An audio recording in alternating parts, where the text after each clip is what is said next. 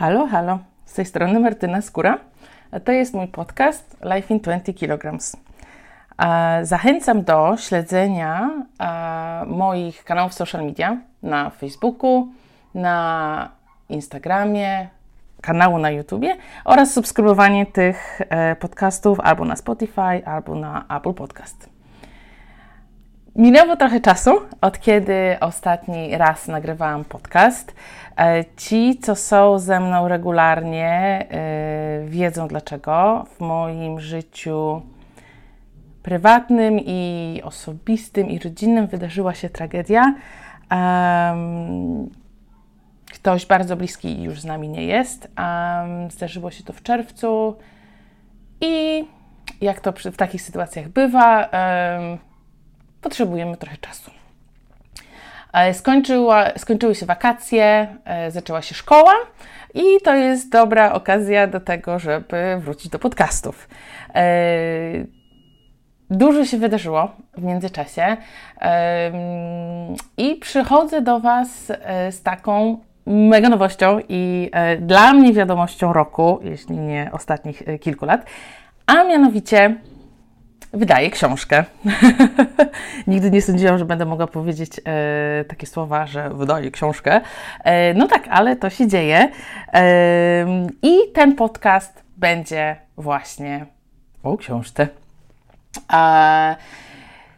Długo zastanawiałam się, e, co Wam opowiedzieć o tej książce, e, i stwierdziłam, że zacznę, e, zacznę w sumie od samego początku. E, moja książka będzie zbiorem opowieści, e, różnych historii moich, ale nie tylko. Będzie w nich kilka innych bohaterek, e, dziewczyn o bardzo podobnym stylu lub trybie życia do mnie. Nie jestem jedyną Polką, będzie jeszcze jedna, będzie Amerykanka, Brytyjka, Niemka i kilka innych narodowości. Są to wszystko dziewczyny, ponieważ e, pierwotnie chciałam, żeby był balans między kobietami i mężczyznami. Niestety w moich poszukiwaniach nie znalazłam e, w moim bliższym, dalszym otoczeniu żadnego faceta, który by się wpisywał w ten, e, w ten nomadyczny tryb życia.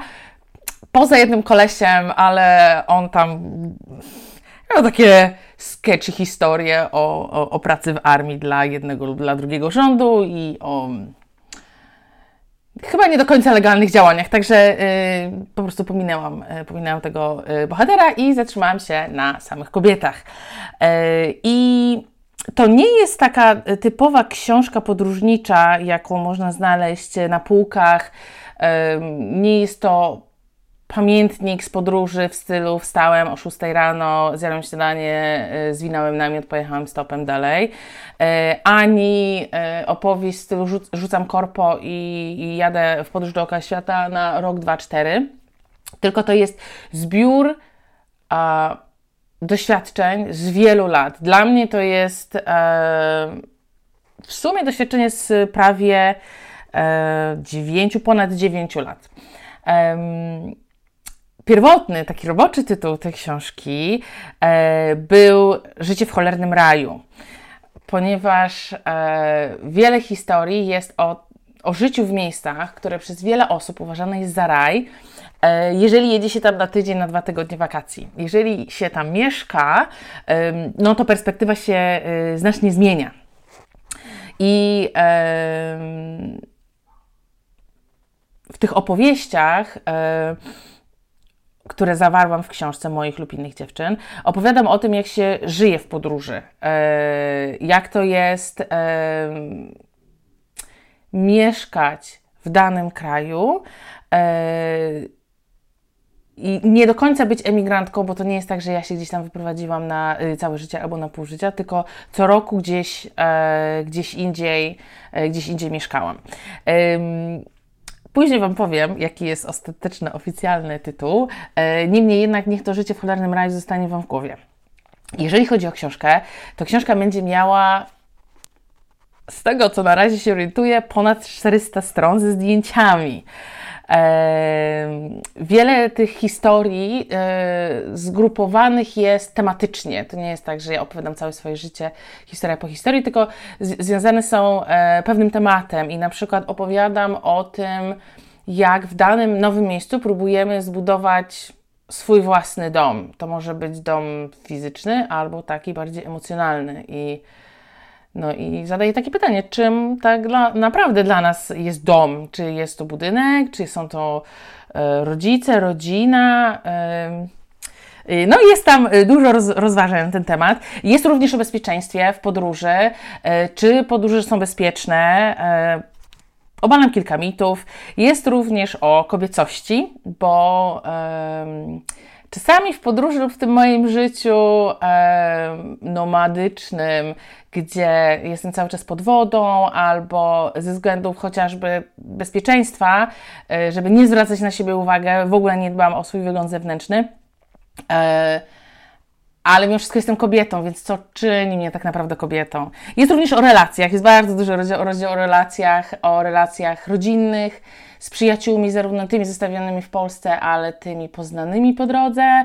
E, jest również o paszportowych przyjaciołach. Nie wiem, czy zna, znacie takie stwierdzenie, ja się go nauczyłam na Maldiwach. Jak nie, to w książce się dowiecie, co to znaczy paszportowi przyjaciele.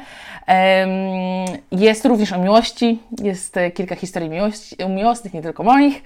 E, jest o zdrowiu, o tym, jak się umiera w raju e, bo rajsko jest wtedy, dopóki się nic tam nie dzieje, a później zaczyna się coś dziać i nagle raj przestaje być rajem.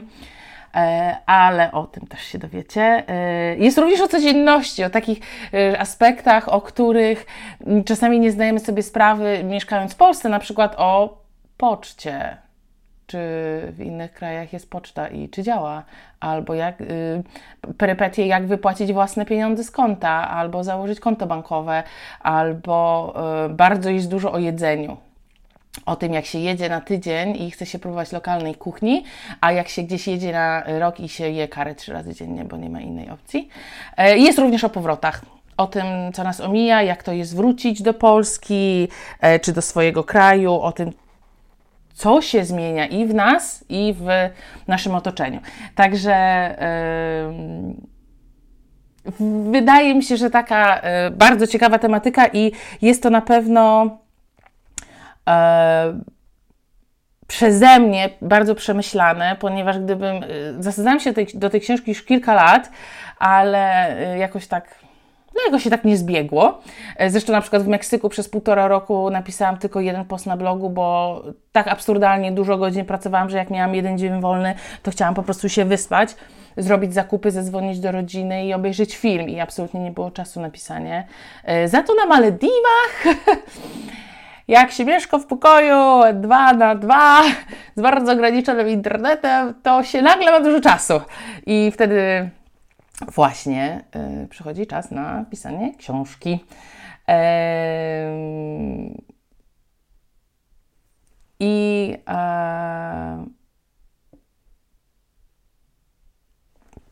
I co chciałam jeszcze powiedzieć? Mam tu notatki przed sobą, żeby niczego nie, nie ominąć. no i mam tak kilka takich przemyśleń w tej mojej książce o rzeczach, które zdarzyły się w 2011 i gdybym na przykład w 2015, gdzie pojawił mi się pierwszy pomysł napisania książki, napisałabym ją wtedy, to przesłanie książki byłoby zupełnie inne. E, podobne doświadczenie z Gruzji, na przykład powodzi w mieszkaniu, miałam również w Meksyku. I pamiętam moją reakcję w Meksyku była zupełnie inna. I wtedy zauważyłam taki wow, chyba dojrzewam, albo dorastam, albo nabieram dystansu. Także jest kilka takich historii, które pokazują ten, tą zmianę, która również, również we mnie we mnie zaszła. E, no i chciałam Wam tutaj w tym podcaście podać kilka rad o tym, jak nie napisać książki. Jest wiele mitów na, na, na temat e, pisania książki i wyobrażeń. Z mojego doświadczenia, podkreślam mojego doświadczenia, bo e, doświadczeń jest tyle, ile książek, każdy, każdy je pisał inaczej, e, nie są one e, do końca takie id, id, idealne w stylu plaża, kokos i laptop na kolanach. jednym ze sposobów, jak nie napisać książki, jest wyjść e, z takiego założenia, że jak się podróżuje, to od razu ma się coś do powiedzenia. E, no, nie do końca jest to prawda w moim odczuciu, właśnie tak jak powiedziałam wcześniej, że e, moje podróże, pierwsze kilka lat podróż, podróży były zupełnie przemyślenia z tych podróży były zupełnie inne. I o ile nie chcemy, żeby książka była nie wiem, zbiorem frustracji albo narzekań na inne narodowości, to warto przemyśleć niektóre rzeczy, warto je przeanalizować z innymi, bo ja wiele godzin spędziłam na burzy mózgu, zarówno z moją mentorką e, od pisania, e, z e, moimi znajomymi, koleżankami, rodziną, przyjaciółmi. Także nie było to tak, że siadam i stwierdzam, ach, napiszę książkę, mam tyle przygód do opisania. No nie.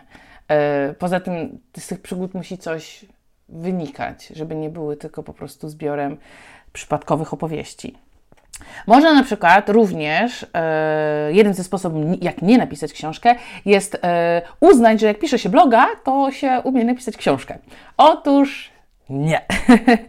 Ci z Was, co czytają blogi i czytają książki, widzą na pewno dużą różnicę. I e, ja lata temu, jeszcze jak występowałam na trampkach u Anity Damianowicz, to jest taki festiwal podróżujących kobiet, e, jedne z warsztatów prowadziła Maria Kula. Maria Kula jest e, trenerką pisania. Ja byłam u niej wtedy na tych warsztatach, nie 2014-2015. E, I gdzieś mi tam zapadła w głowie. I jak chciałam napisać książkę, to pierwszą rzeczą, którą, o której pomyślałam, było napisać do niej, ponieważ e, nie chciałam spędzić jakoś tak strasznie dużo czasu pisząc według mnie to, co byłoby nie wiem, książką, opowieściami, i później okazać się, że nikt tego nie wyda albo nie ma na to sensu. Więc stwierdziłam, że zwrócę się do specjalistki poradę.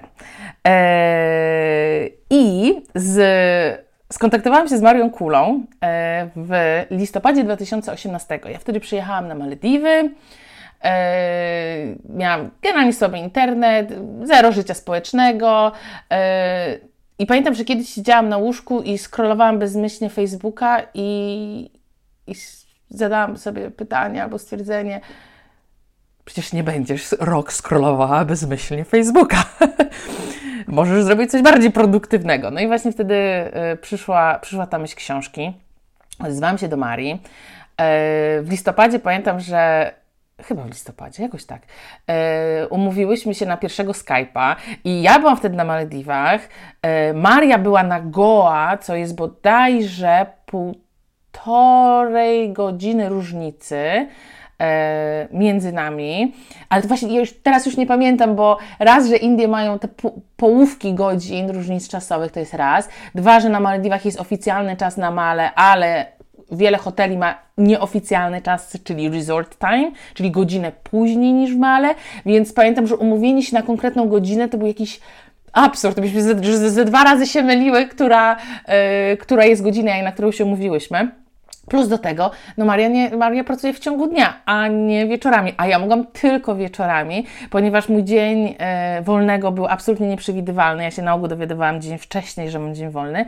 No ale się e, jakoś się to udało ja miałam mega słaby internet, więc ilekroć chciałam się połączyć na Skype'ie z Marią, żeby był obraz i głos i jeszcze żebyśmy mogły e, w międzyczasie sprawdzać Worda, to to musiała być do znajomego informatyka.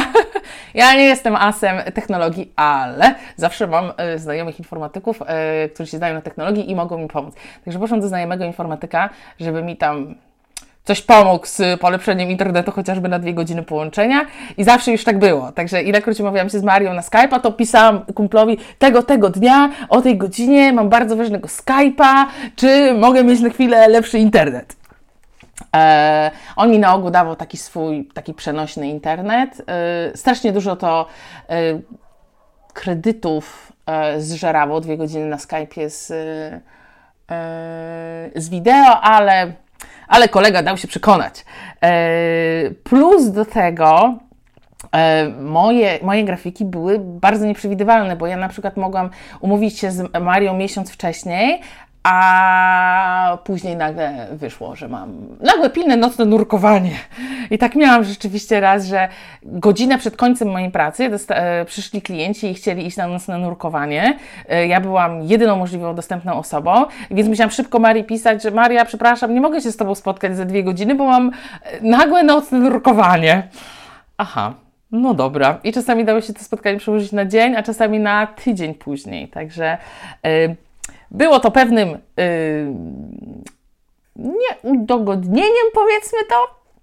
E, I jedną z takich rzeczy, które, e, w których Maria bardzo mi pomogła, to było e, w ogóle zastanowienie się, jaki jest temat mojej książki, jakie jest przesłanie.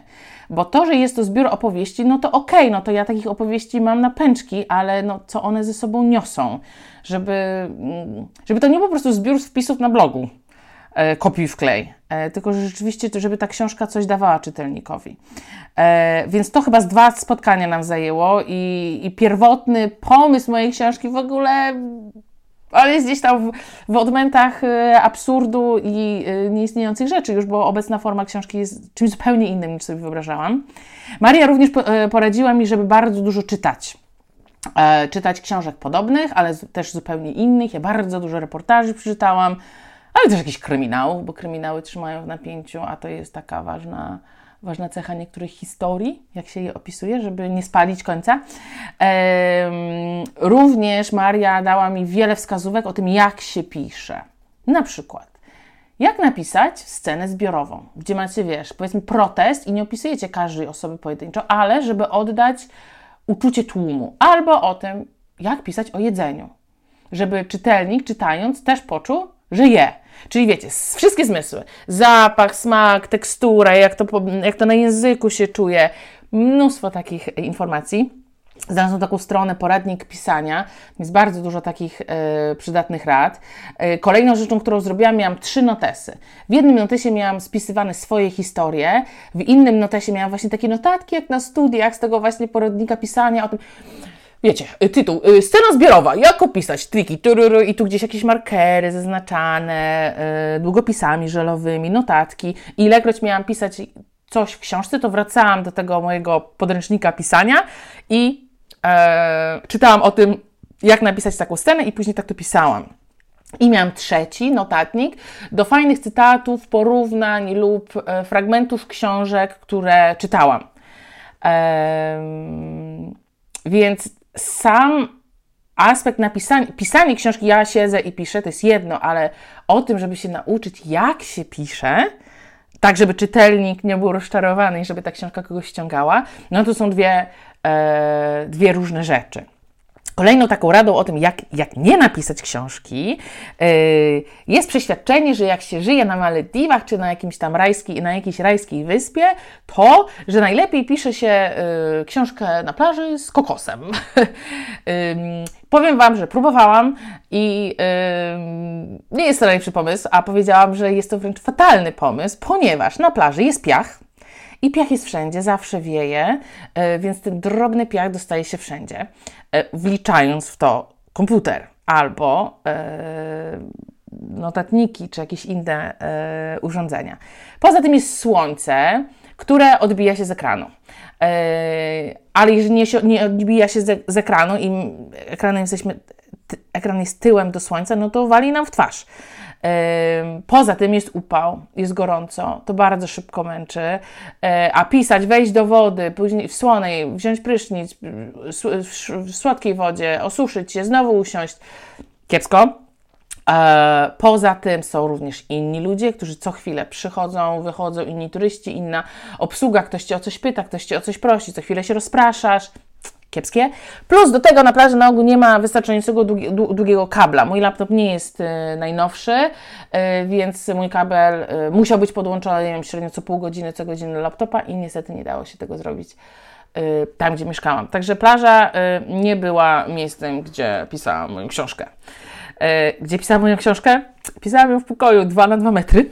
Najpierw mieszkałam w takim pokoju 2 na 4 metry, ale dzieliłam ją z koleżanką, dzieliłam pokój z koleżanką i miałyśmy taką stylową, różową zasłonkę z prześcieradła, e, oddzielającą nasze połówki pokoju, żeby, żeby każda miała swoją prywatność. E, a później, e, jak John się wyprowadziła, mnie przenieśli do innego pokoju i miałam tam 2 na 2 metry, ale tam już miałam okno. I powiem Wam, okno w pokoju zmieniło całe życie. I jeszcze to okno wychodziło na zielone drzewa, a nie na budynek po drugiej stronie. Także yy, siedziałam yy, bardzo często na łóżku, a nie, a nie, na, yy, nie przy biurku, e, ponieważ hmm, biurko było jedyną przestrzenią, gdzie mogłam, że tak powiem, składować rzeczy lub kłaść rzeczy, więc tam było zawsze bardzo dużo rzeczy. Ja do mojego pokoju wchodziłam, miałam szafę, na, lewo, na prawo, łóżko wprost i ym, stolik na lewo. I to jest tak, że jak się wchodzę, wchodzę do pokoju i obracam się wokół własnej osi i to jest tyle. Tam nie ma zbyt dużo przestrzeni, więc na tym biurku, jak Maria dzwoniła, to sprzątałam biurko i kładłam laptopa i, i wtedy pisałam, ale tak to generalnie książkę pisałam raczej na łóżku. Ym, I pisałam ją raczej ręcznie, w notesie niż w laptopie.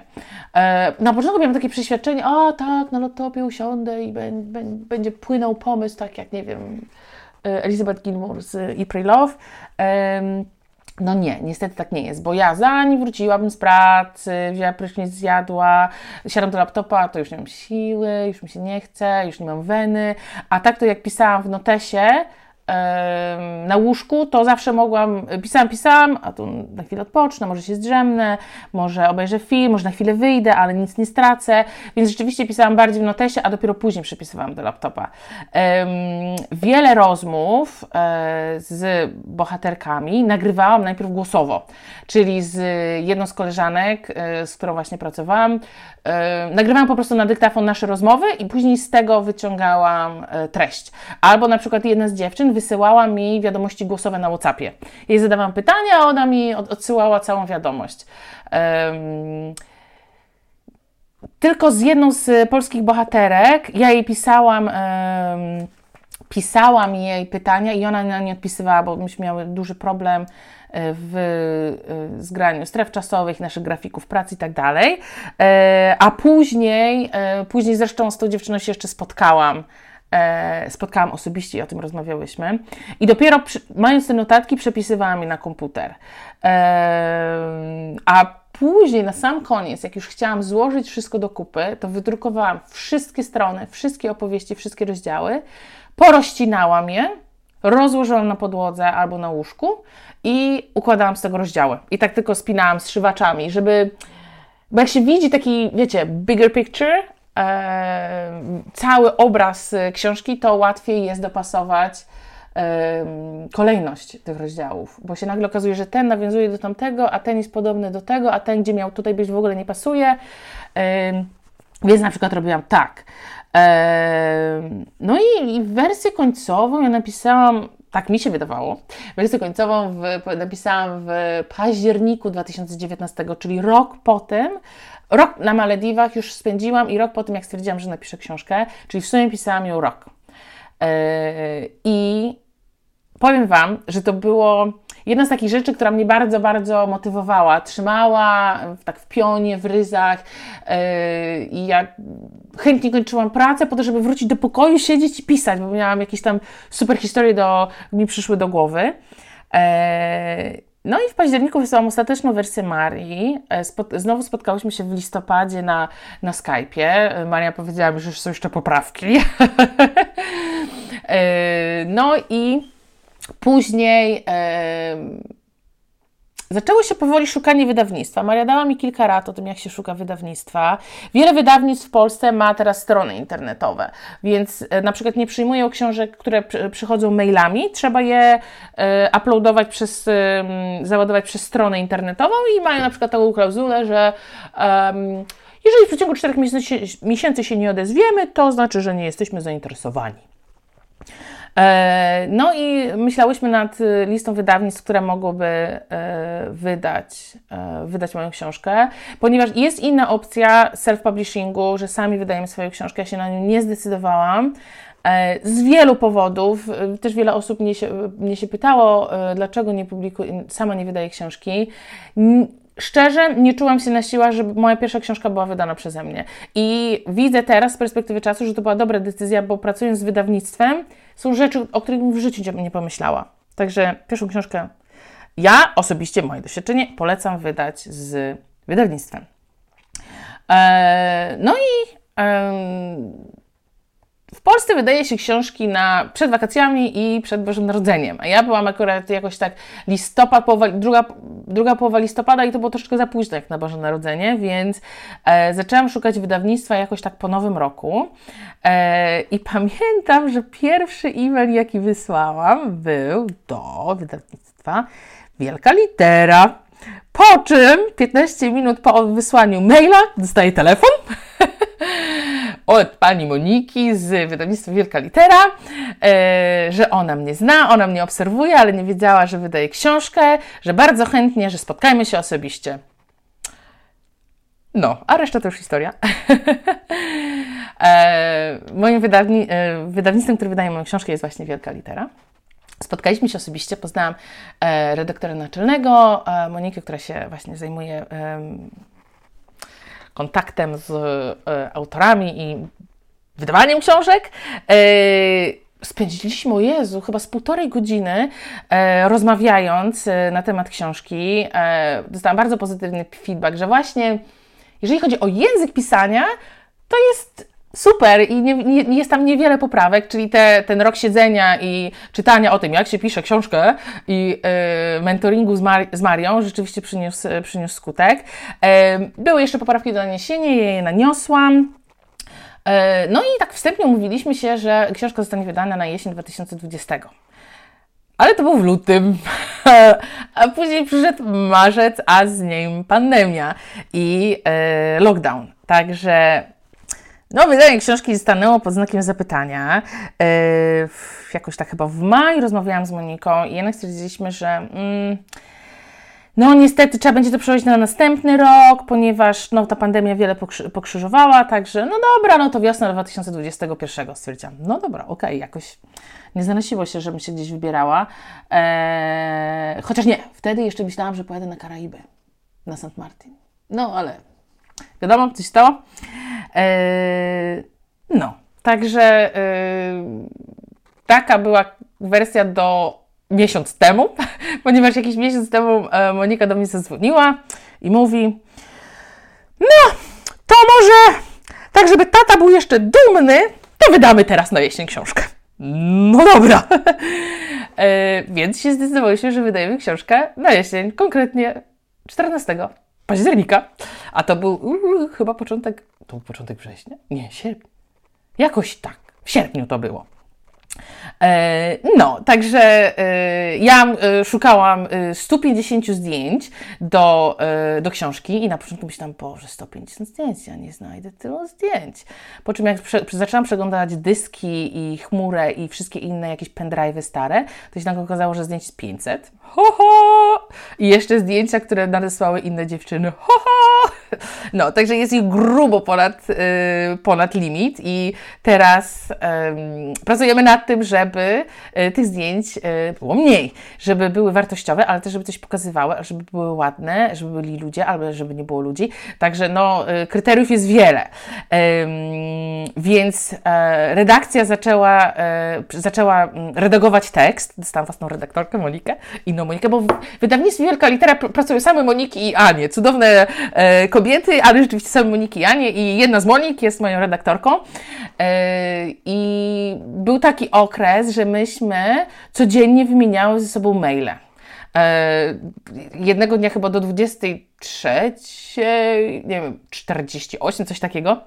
Wymieniałyśmy maile i redakcja książki jest mega, mega szczegółowa, wliczając to na przykład, że Coś w książce gdzieś tam wspomniałam o filmie Casablanca e, i notatka jednej z redaktorek właśnie, no ale Casablanca była w całości kręcona w, tam e, w, w Stanach, ale mi się wydawało, że w Hiszpanii. No i E, takie szczegółowe informacje. Albo na przykład to, bo ja pisałam coś takiego, że przekraczam granicę tajsko-kmerską. I tutaj jest błąd rzeczowy, ponieważ Tajowie to jest ludność etniczna Tajlandii, ale nie tylko, e, i Kmerzy to jest ludność etniczna Kambodży, ale w Tajlandii nie żyją tylko Tajowie, więc to jest granica tajlandzko-kambodżańska, bo w Kambodży też nie żyją tylko Kmerzy. I to są takie rzeczy, o których ja bym w życiu absolutnie nie pomyślała. E, plus do tego jakieś takie drobne e, stylistyczne błędy. I po tych poprawkach książkę musiałam, ostateczną wersję, tą wtedy mi się wydawało, ostateczną wersję, bo ta książka nadal ewoluuje. E, musiałam wysłać jednej e, z polskich bohaterek, ponieważ ona jest w stanie przeczytać tekst. Jeżeli chodzi o e, ameryka- e, anglojęzyczne osoby, to szczegółowo przeszłam przez, z nimi przez, przez treść, treść e, historii, tak żeby się zgodziły.